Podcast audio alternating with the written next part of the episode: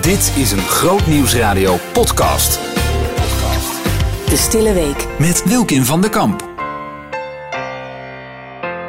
Aflevering 5 in de podcastserie over de Stille Week naar Pasen. Jezus werd gegezeld op bevel van Pilatus. Een vreselijke martelmethode die zijn lichaam zwaar toetakelde. Door zijn striemen ontvingen wij genezing. Wilkin van de Kamp legt uit over welke genezing het gaat, waarom er op aarde niet altijd genezing te vinden is en hoe dit uiteindelijk volledig zal uitwerken. In Hebreeën 6, vers 5 worden de genezingen en de wonderen die we in de tussentijd meemaken, krachten van de komende wereld genoemd, die we mogen proeven. Het is een heerlijke voorsmaak van wat ons bij de wederkomst van Jezus te wachten, want met de komende wereld wordt de nieuwe wereld bedoeld, die aanbreekt wanneer Jezus terugkomt en het herstel van alle dingen zal plaatsvinden. Als kinderen van God hebben we de Heilige Geest ontvangen en mogen we de krachten van de komende wereld nu al, ook al is het nog niet in haar volheid, ervaren. En elke keer wanneer God zijn woord bevestigt met genezingen en wonderen, is dit een lichtstraal in de duisternis, een, een glimp van Gods glorie, eh, een voorproefje van wat komen gaat, het herstel van alle dingen. En ik zeg je, dat smaakt naar meer. Ieder wonder doet mij verlangen om meer van Gods liefde en kracht te zien. Maar elk wonder doet me ook meer en meer uitzien naar Gods nieuwe wereld die komen gaat. Want de tegenwoordige wereld is niet blijvend.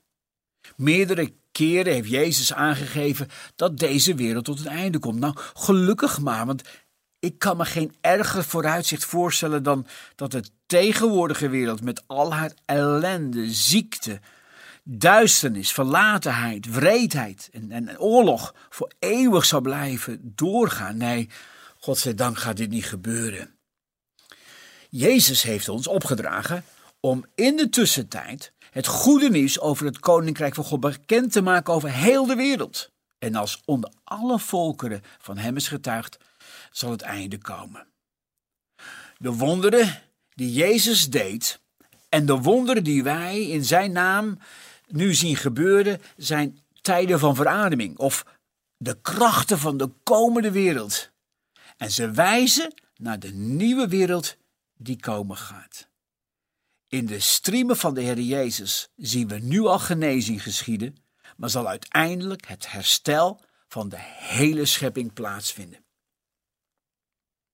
Hoewel Paulus meemaakte dat niet iedereen genas voor wie hij bad, lees 2 Timotheus 4 vers 20, stopte hij niet met het bidden voor genezing. Ondertussen verwachtte hij een nieuwe hemel en aarde waar we allemaal volledige genezing en herstel zullen ontvangen. In Romeinen 8, vanaf vers 18, schrijft hij dit. Wat we hier te lijden hebben, weegt niet op tegen de glorie die God ons openbaar zal maken. Daarvan ben ik overtuigd. De hele schepping ziet gespannen uit naar het moment waarop God onthult wie zijn kinderen zijn, want de schepping is veroordeeld tot een zinloos bestaan. Niet omdat ze het zelf wilde, maar omdat God haar daartoe veroordeeld heeft. Maar er is hoop, schrijft Paulus. Want ook de schepping zal bevrijd worden uit de slavernij van de vergankelijkheid en delen in de glorierijke vrijheid van de kinderen van God. Want we weten dat de hele schepping nog altijd kreunt en steunt als een vrouw die moet baren. Maar de schepping niet alleen, ook wij die toch de geest ontvangen hebben als een voorschot op wat we nog krijgen. Ook wij zuchten diep, zolang we uitzien naar het moment waarop God ons voor goed tot zijn kinderen maakt en ons hele bestaan bevrijdt. Paulus zegt hier dus dat wij de Heilige Geest en zijn kracht als een voorschot hebben ontvangen op wat nog komen gaat. In Efeziërs 1 vers 14 noemt hij de Heilige Geest het onderpand van onze erfenis. Nou, dat Griekse woord voor onderpand mag je ook vertalen als voorschot of voorproef van wat komen gaat. We hebben dus een voorschot ontvangen door de Heilige Geest van wat in volheid komen gaat. Dus, toen Jezus zei: Het is volbracht, is het goed daarbij te bedenken dat ook genezing ons ten volle is geschonken, maar dat we het in termijnen krijgen uitbetaald. We krijgen een voorschot. Maar de krachten van de toekomende eeuw doen ons vooral verlangen naar de uitbetaling van de laatste termijn. En dat is het herstel van alle dingen. Wij leven dus in de tussentijd. Dat is de tijd tussen de hemelvaart en de wederkomst van Jezus. En we moeten eerlijk zijn. In de tussentijd worden niet alle problemen opgelost. Niet elke onrechtvaardigheid wordt aan de kaak gesteld. Niet elke misdadiger wordt veroordeeld. Niet alle seksslavinnen worden bevrijd. Niet alle vluchtelingen vinden een thuis. Niet alle vragen worden beantwoord en niet alle zieken worden genezen. Er is geen enkele kerk of bediening aan te wijzen waar altijd alle aanwezige zieken worden genezen. Iedere volgeling van Jezus die de opdracht van Jezus om de zieken te genezen serieus neemt, worstelt met dit gegeven. Maar jaren geleden vond ik in Hebreeën 2 antwoord op de vraag waarom niet iedereen waarvoor wij bidden geneest. Daar staat in vers 8: Alle dingen, dus ook alle ziekte, heeft God onder de voeten van Jezus onderworpen. En dan staat er: Want bij dit alle dingen hem onderworpen, heeft God niets uitgezonderd dat Jezus niet onderworpen zou zijn. En dan zegt de Hebreeën schrijver, doch thans zien we nog niet dat hem alle dingen onderworpen zijn, dus ook alle ziekte. Maar wij zien Jezus. En weet je, dit lijkt een tegenstelling, maar dat is het niet. De woorden schilderen het spanningsveld dat we in deze tussentijd ervaren. Door Jezus' overwinning over zonde, ziekte en dood zijn alle dingen in principe nu al aan Hem onderworpen. En toch zien we in de tussentijd nog niet dat alle dingen aan een volkomen herstel onderworpen zijn. Pas als Jezus terugkomt, zal het herstel van alle dingen plaatsvinden. De waarheid is dat in Jezus striemen uiteindelijk de hele schepping genezen en hersteld zal worden. Paulus schrijft in Romeinen 8, vers 10: Als Christus in u leeft, is uw lichaam wel ten dode opgeschreven, omdat het onder de macht van de zonde staat. Maar uw geest leeft omdat God u gerechtvaardigd heeft. Ons lichaam staat nog steeds onder de macht van de zonde, is dus sterfelijk. Uiteindelijk sterven we allemaal aan een falend lichaam als Jezus niet eerder terugkomt. Maar elk wonder geeft ons nieuwe moed en is een teken dat verwijst naar het koninkrijk van God, het herstel van alle dingen dat komt als Jezus terugkeert. En in de tussentijd doet mij elk wonder meer en meer uitzien naar Gods wereld die komen gaat.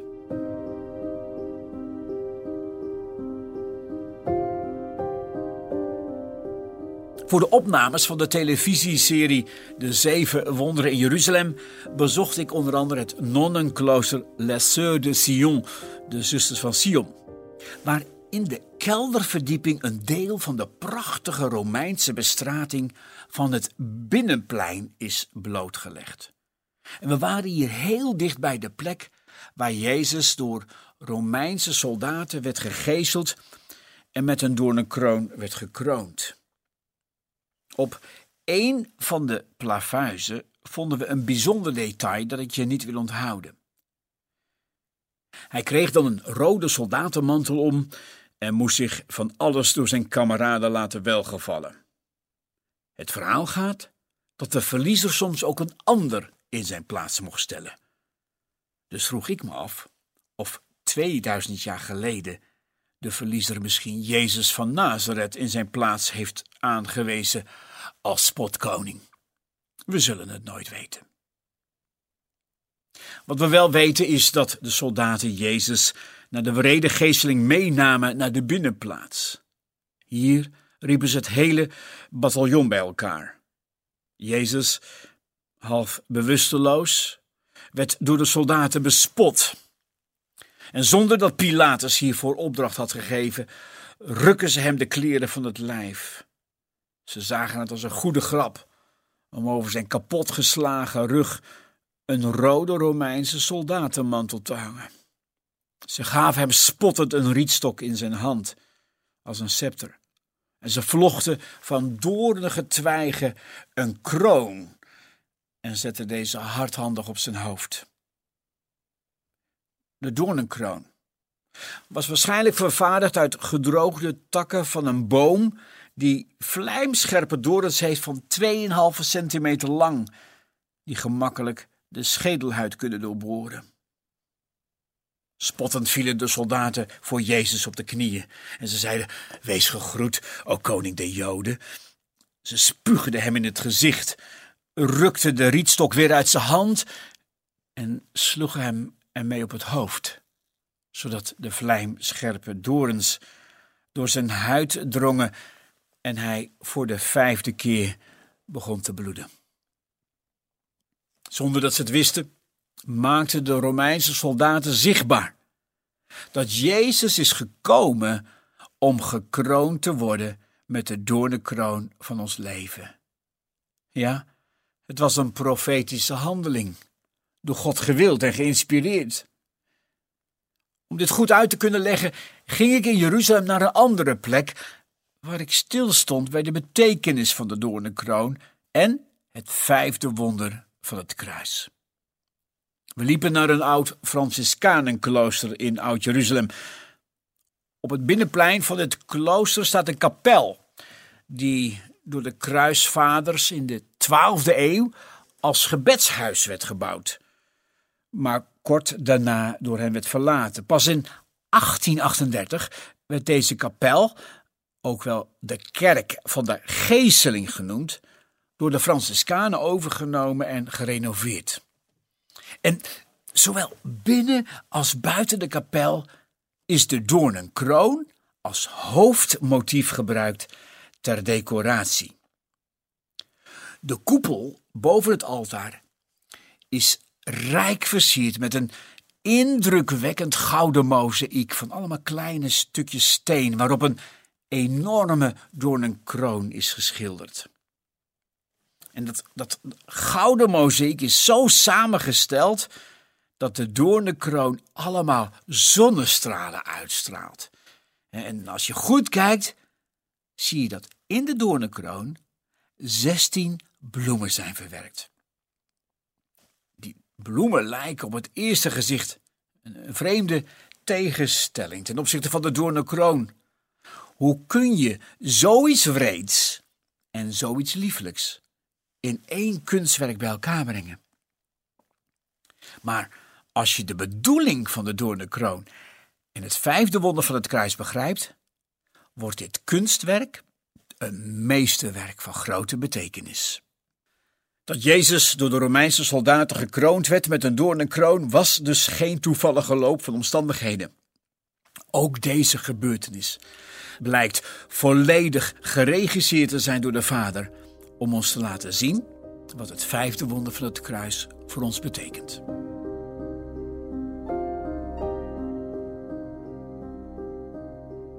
De doornenkroon waarmee Jezus door de Romeinse soldaten gekroond werd, staat symbool voor de vloek. De vloek die over de aarde is gekomen nadat Adam en Eva hadden gezondigd. We kunnen het lezen in Genesis 3, waar staat dat de aardbodem vervloekt is als gevolg van de zondeval en sindsdien dorens en dissels voortbrengt. In Genesis 3, vers 17 lezen we dat God zegt tegen Adam en Eva: De aardbodem is omwille van u vervloekt. Met zwoegen zult u daarvan eten, al de dagen van uw leven. Dorens en distels zal hij voor u laten opkomen. In mijn ogen is de beste definitie van een vloek dan ook heel eenvoudig de gevolgen van de zonde. Toen Jezus door de Romeinse soldaten met een doornenkroon gekroond werd, was dit niets minder dan een profetische handeling, waarin zichtbaar werd dat Jezus in onze plaats tot een vloek geworden is. En dat is wat Paulus ons leert in Galaten 3, vers 13. Daar schrijft hij: Christus heeft ons vrijgekocht van de vloek, door voor ons een vloek te worden zodat de zegen van Abraham tot ons kan komen en wij de Heilige Geest ontvangen door het geloof. Ja, Jezus droeg voor ons de doornenkroon, het symbool van de zondevloek die over deze wereld is gekomen. Weet je, waarom hebben Adam en Eva eigenlijk gezondigd? Het antwoord is omdat ze de leugen van Satan geloofden. En nog steeds vind je in de kern van elke zonde een leugen. De duivel wil ons de leugen doen geloven dat de zonde meer bevrediging biedt dan een leven met God, waardoor we ons openstellen voor hebzucht, geldzucht, macht, lust en noem maar op. En voor je het weet, ben je hierdoor gebonden geraakt. De macht van de zonde is dus de macht van de leugen. Maar Jezus leert ons in Johannes 8, vers 44 dat de duivel de vader van de leugen is. Het hele rijk van Satan is gebaseerd op leugen, bedrog, misleiding, manipulatie. De leugen is zijn grootste en enige wapen. Alleen als jij zijn leugens blijft geloven, heeft de duivel macht over jou. Hoe? Omdat je zijn leugens gelooft. Weet je, koning Salomo leert ons in Spreuken 18, vers 21 het volgende. Woorden hebben macht over leven en dood. Wie graag spreekt, moet wel de gevolgen aanvaarden. Hij zegt dat we met onze mond kunnen zegenen en vervloeken. Het is wel aardig dat in Psalm 45, vers 2 staat dat daar onze tong vergeleken wordt met de pen van een vaardig schrijver. We zijn allemaal schrijvers. Met onze tong schrijven we op de tafel van ons hart, zegt Spreuken 3, vers 3. Op de harten van de mensen om ons heen. En de woorden die op de tafel van ons hart geschreven staan, die hebben een grote invloed op hoe we onszelf zien, op onze eigen waarde en onze identiteit. Ja, wat op je hart geschreven staat, kan je voor het leven tekenen. Talloze mensen worden hun leven lang achtervolgd door woorden die in een ver verleden over hen zijn uitgesproken. Als je had eigenlijk een meisje moeten zijn. Of je bent nutteloos. Van jou zal er nooit iets terechtkomen. Of wat ben jij lelijk? Of jij, je kan niet leren. En zo'n jij-boodschap verandert langzaam in een ik-boodschap. Ik kan niet goed leren. Van mij zal er nooit iets terechtkomen. Ik ben door en door slecht. Het zijn leugens die zich vasthaken in je hart en die je gegijzeld houden, die je gebonden houden, die als het ware gaan werken als een vloek. Maar Jezus, Jezus heeft beloofd in Johannes 8, vers 32 dat de Heilige Geest ons zal helpen om de leugens in ons leven te ontmaskeren. Hij zegt: Jullie zullen de waarheid verstaan en de waarheid zal jullie vrijmaken. Nou, als de waarheid ons vrijmaakt, dan houdt de leugen ons niet langer gebonden. We zijn verwikkeld in een geestelijke strijd en ons denken is het slagveld waar deze strijd gestreden wordt. Weet je, al jouw gedachten hebben invloed op jouw welzijn. Je kunt je gedachten vullen met van alles en nog wat, maar jouw emoties zullen overeenkomstig jouw gedachten reageren. Als je diep in je hart denkt dat je niet geliefd bent, dan ga je je niet langer geliefd voelen. Waardoor je niet als een geliefd persoon gaat gedragen. Dus wat ik denk, ga ik voelen en dan ga ik naar handelen. Zolang je deze leugen blijft geloven, zal je gedrag uiteindelijk uitmonden in een negatieve gewoonte. Je bent verstrikt geraakt in de leugen dat je niet geliefd bent. En met alle gevolgen van dien, de gevolgen van de zonde, je gaat je minderwaardig voelen. Je voelt je afgewezen en je verliest jezelf in een slachtofferrol.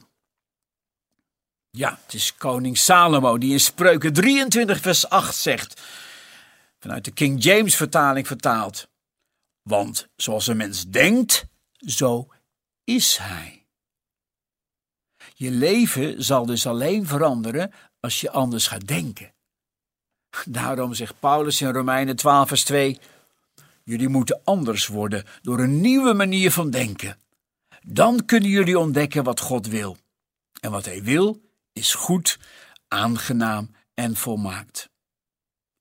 Daarom is het belangrijk dat je gedachten overeenkomen met Gods waarheid. Dat je gaat ontdekken hoe God over jou denkt en wat Hij over jou zegt. De duivel weet dat hij zijn controle over jou zal verliezen als jij zijn leugens inwisselt voor Gods waarheid. En ik geloof dat het bloed van de Heer Jezus niet alleen kracht heeft om al jouw zonden uit te wissen.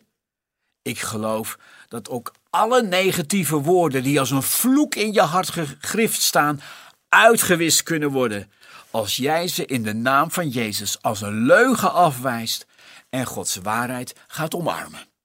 Jezus is niet alleen aan het kruis gestorven om onze zonde van ons weg te nemen. Nee, hij is ook gestorven om de gevolgen van de zonde weg te nemen, die voortkomen uit het feit dat wij de leugen zijn gaan geloven. De gevolgen zijn onze minderwaardigheidsgevoelens, onze afwijzing en het slachtoffer zijn. Geloof daarom niet langer de leugen dat jouw leven bepaald wordt door je verleden. Omarm de waarheid dat je leven niet langer bepaald wordt door wat jou is aangedaan, maar door wat Jezus heeft gedaan voor jou. En zie hoe de koning der koningen zich voor je neerbuigt en zegt: Toen de soldaten met een riet op mijn hoofd sloegen en de dorens mijn schedelhuid binnendrongen, heb ik jou doornenkroon op mij genomen. Wees niet bang en kroon mij met de doornenkroon van jouw leven. Zullen we dat samen doen? Zullen we samen in gebed gaan voor het vijfde wonder van het kruis? Het wonder van bevrijding en alles aan Hem geven. Vader in de hemel, vergeef mij dat ik mijn hart heb laten gijzelen door de leugens van de boze. Ik besluit Jezus de doornenkroon van mijn leven te geven. Alle gevolgen van de leugens waarin ik in geloofde, mijn minderwaardigheidsgevoelens, mijn afwijzing en mijn slachtofferrol. Wilt u mij helpen de leugens in mijn hart ontmaskeren en uw waarheid te omarmen die mij vrijmaakt? Ik geloof wat u over mij zegt. Ik ben door u geliefd, gewenst en gewild. Ik geef me opnieuw aan u over. In Jezus' naam. Amen. En daarmee komen we aan het einde van deze vijfde podcastaflevering in deze serie richting Pasen. Jezus kwam niet alleen om onze zonde te vergeven, maar ook om ons te bevrijden van schuldgevoelens, gevoelens van minderwaardigheid en afwijzing. Dit komt tot uiting in het bloeden door de doornenkroon die hij op zijn hoofd kreeg. In de volgende aflevering staan we stil aan de voet van het kruis van Jezus. Wilkin legt dan uit hoe Jezus onschuldig leed, wel zes uur lang aan het kruis. Behoefte aan meer? Grootnieuwsradio.nl slash podcast.